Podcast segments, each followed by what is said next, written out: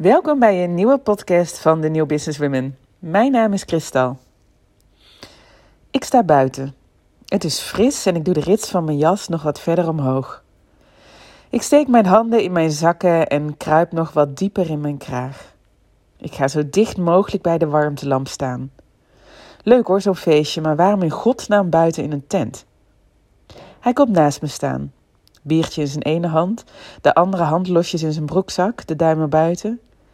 En de duim, die, die doet me denken aan een slak met van die twee uitsteeksels op zijn kop, die de omgeving scant voor de juiste route. Ik heb het al zo lang als ik besta. De meest vreemde associaties komen bij me op bij het zien van de meest normale dingen. De slak scant en dan heeft hij me in de gaten. Zo, jij ook hier? Leuk, wat doe je tegenwoordig? Voordat ik antwoord kan geven, draait hij zich om naar nog een bekende die op ons afkomt lopen. Hey Frits de gek man, jij hier, wat doe je nu? Welk jaar zit je nu? Ik denk dat het er gezellig uitziet bij deze warmtelamp, want binnen twee minuten staan er nog vijf mensen om ons heen. Het is een soort peloton van vragen die van de een op de ander wordt afgevuurd. En ik sta er middenin. Het wordt steeds warmer. Wat doe jij? Hoe ver ben je al met de bedrijfskunde?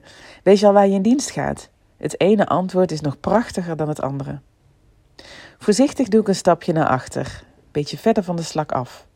Maar helaas, hij heeft me in de gaten. Ik weet dat er geen ontkomen meer aan is. Wat doe jij? Oh god, there we go. Moet ik zeggen dat ik twee studies heb geprobeerd naar het VWO en allebei niet heb afgemaakt? Dat het niet aan mijn intelligentie ligt, maar dat ik nou eenmaal snel afgeleid ben en niks leuk genoeg vind? Moet ik zeggen dat ik de afgelopen jaren misschien wel zes, zeven, acht bijbaantjes heb gehad. Niet omdat ik wispelturig ben, maar gewoon super nieuwsgierig en alles wil meemaken. Loont het de moeite om te vertellen dat ik een bedrijf was opgestart en weer ben gestopt? Ik heb geen zin om me weer een buitenstaander te voelen tussen mensen die al jaren schijnen te weten waar ze naartoe gaan. Welke studies ze willen volgen, waar ze over vijf jaar zijn, wat ze precies willen. Ik heb zelf werkelijk geen idee. Ik weet nog niet wat ik morgen doe. En terwijl ik nadenk over mijn antwoord, zie ik in de borders van de tuin een berg dode blaadjes liggen.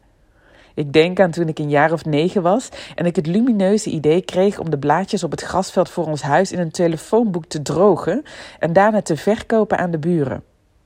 Zwarte blaadjes die een paar uur eerder nog gewoon voor ieders deur lagen, maar mijn eerst verdiende geld was binnen, want iedereen kocht ze. Toen ik eenmaal door had dat je van alles kon verzinnen en dat er altijd mensen waren die er iets voor over hadden, ging ik los en ik verhuurde mezelf als clown op kinderfeestjes. Ik overtuigde de klas dat we een tijdschrift moesten maken. Ik won fietsen en grote cadeaus omdat ik kunstwerken maakte van grasprietjes en luciferstokjes. Ik hoefde nergens uit te kiezen. Ik kon van alles verzinnen en alle dingen doen die me blij maakten. Ik had er niks voor nodig, behalve mijn eigen ideeën en creativiteit. Hallo? Ik kijk in de priemende blik van Slak. Even komt in me op om heel hard te schreeuwen dat het toch niet boeit wat ik doe, maar omdat het gaat om wie ik ben. Dat het de heilige graal in de maatschappij lijkt te zijn dat je voor één ding moet gaan, voor altijd. Dat het toch echt te belachelijk voor woorden is dat je als volwassene in een hokje moet passen, een hokje dat iedereen begrijpt. En dat je op een gegeven moment op een leeftijd komt dat je moet gaan kiezen tussen al je interesses en passies. Maar ik houd me in omdat de gemiddelde 23-jarige student niet echt klaar is voor dit soort uitspraken. Ik weet dat omdat ik het vaker heb geprobeerd. Ik houd dus een populair verhaal met een stralende blik en ik maak dat ik wegkom. Ik sluit me aan bij mijn vriendinnen die inmiddels zijn binnengekomen, maar toch voel ik me klein, buitengesloten. Ik hoor er niet bij, niet echt. En ik besluit één ding.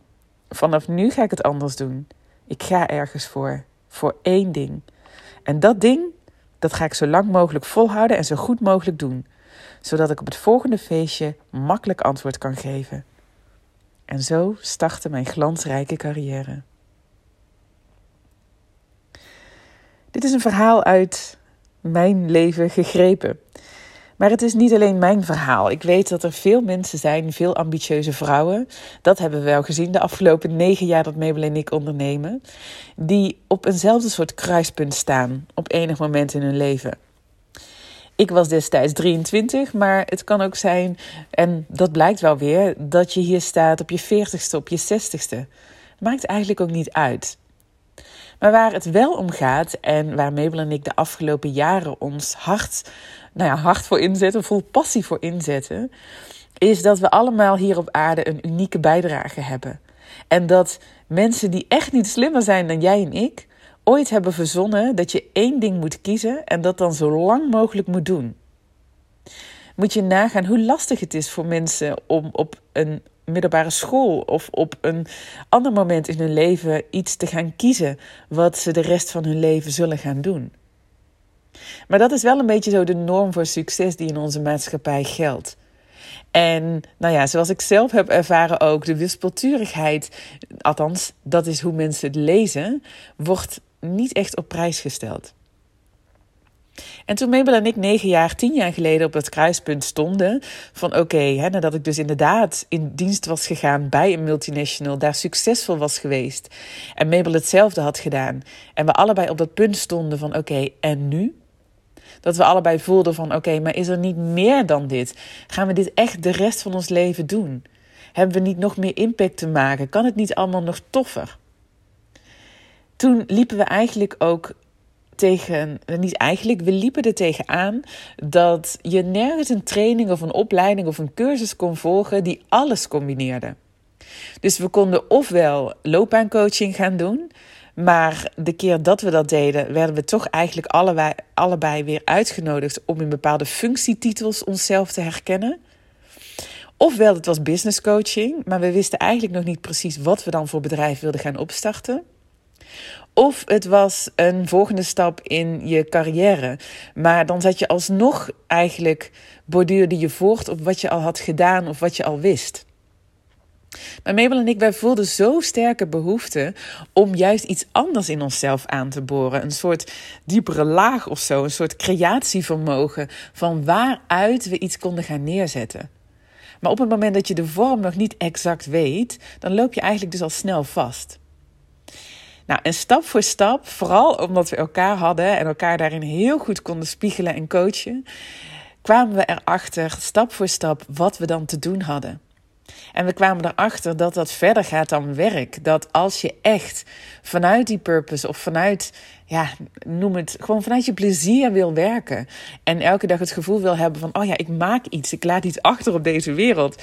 Dat je er niet aan ontkomt dat werk en privé dan door elkaar heen lopen. Want je kunt de, als je op dit moment op een kruispunt staat van oké, wat wil ik gaan doen als volgende stap in mijn carrière? Als je het alleen vanuit de werkmodus pakt, dan ga je nadenken over wat voor rollen, wat voor functietitels, wat voor banen er allemaal voor je zouden zijn kunnen weggelegd. Of bijvoorbeeld wat voor type bedrijven. En dat kan, er is niks verkeerds aan. Maar toch loop je op enig moment toch weer dan vast op het stuk creatie. Van wat wil jij dan creëren? En onze mind gaat nu eenmaal snel in een vorm zitten. Je kunt het ook pakken vanuit het life coaching stuk van wat wil ik doen. En heel vaak wat we merken is dat mensen dan, dan, dan wel wat kunnen verzinnen. Zoals bijvoorbeeld wat wij toen ook hadden. We willen iets met mensen doen. Maar dat het eigenlijk nog een beetje vaag blijft. We zijn gewoon niet, dat is niet iemands schuld, want ons wordt niet geleerd of we zijn niet gewend om work-life echt als één geheel te bekijken. Om de, de vraag, wat wil ik in mijn werk, veel meer als levensvraag te pakken. Dus veel meer te pakken vanuit, wat is mijn purpose in life? Wat wil ik achterlaten op deze wereld? Wat is mijn legacy? En daar niet alleen, en op het moment dat we daarover dromen tijdens vakanties of tijdens, uh, tijdens het weekend, dan is dat heel fijn, want dan zitten we in de juiste energie. Maar hoe moeilijk is het dan om het dan concreet te vertalen naar een vorm? Nou, en dat is exact wat Mabel en ik hebben gedaan. We hebben onze dromen gepakt, eigenlijk het totale plaatje van onze levenslessen, wat we in ons leven hebben meegemaakt. Niet alleen op het werkstuk, dat ook, maar ook gewoon op privé. En we hebben ook het plaatje gepakt van: oké, wat zijn dan onze passies van vroeger uit? Weet je, waar werden we als klein meisje nou blij van? Um, maar ook wat zijn er onze ware talenten? Niet alleen waar we goed in zijn, maar wat, ja, wat, waar zit echt onze genius? En we hebben dat gecombineerd met een concrete vorm. En toen we dat deden negen jaar geleden, toen wilden we eigenlijk wegblijven van de, van de naam coaching of van de definitie coaching, omdat iedereen dat al deed voor ons gevoel.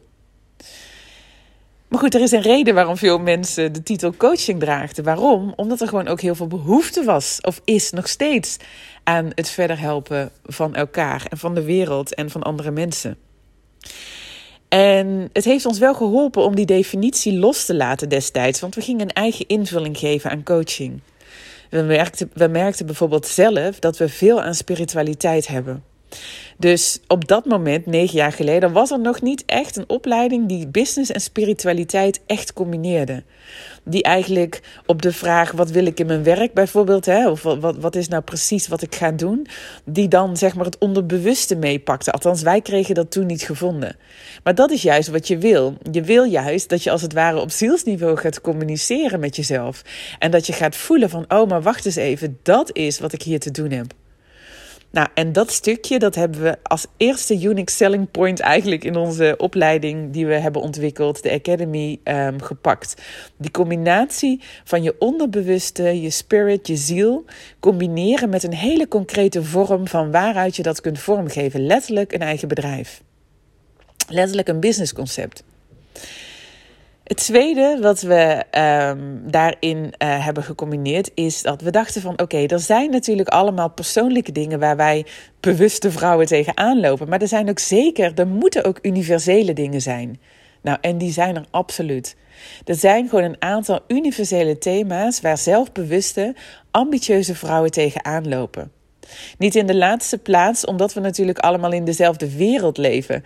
Een wereld van vaak masculine normen voor succes, die niet per se slecht zijn, maar die wat anders van je verwachten en van je vragen.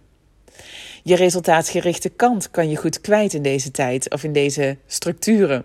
Maar echt dat aanboren van die vrouwelijke wijsheid, van die creatiekracht, dat wordt een stuk uitdagender. Dus dat is het tweede element dat we kwijt hebben willen hebben in de opleiding, de Academy.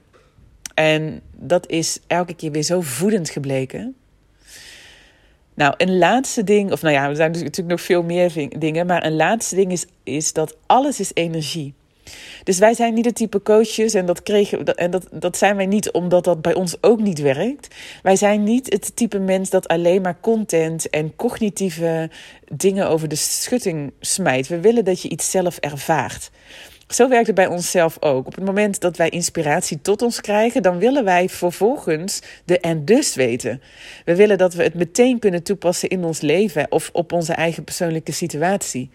En we willen niet dat het bij content blijft, maar je wil het doorleven. Omdat als wij vrouwen dingen doorleven, dan krijgen we ook echt het voor elkaar. En dan groeit onze manifestatiekracht.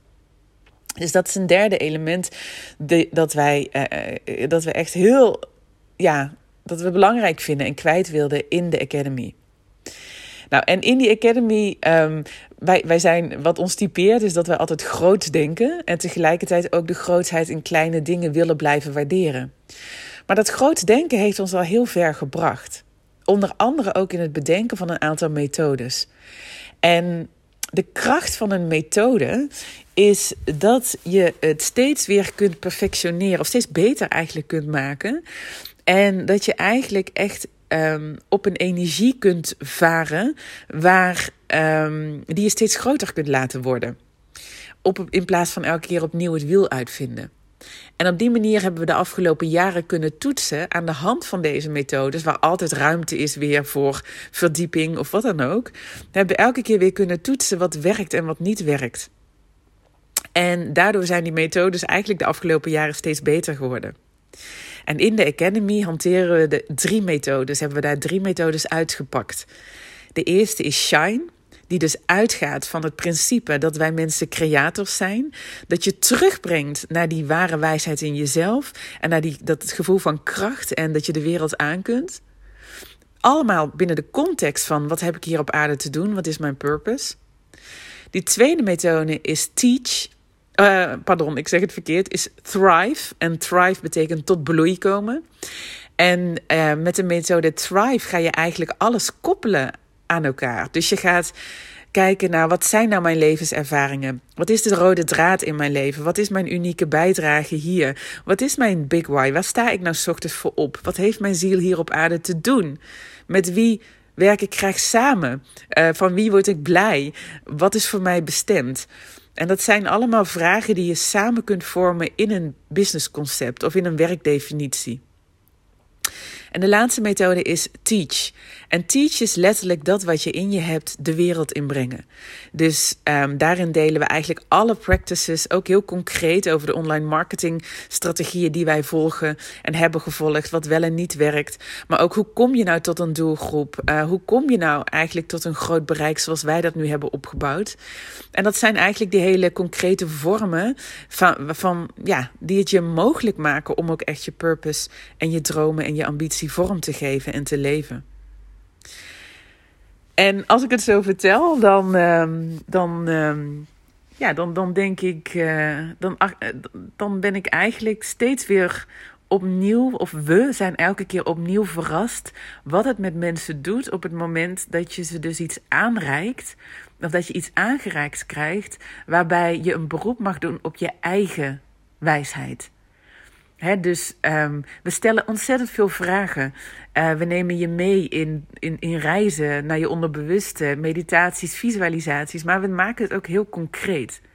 En dat is eigenlijk precies die feminine en die masculine energie die we allemaal in ons hebben. En veel vrouwen zijn gewend om op de masculine energie van het concreet maken te varen. En daar zijn we goed in. Maar soms kan je geroepen worden tot een diepere laag.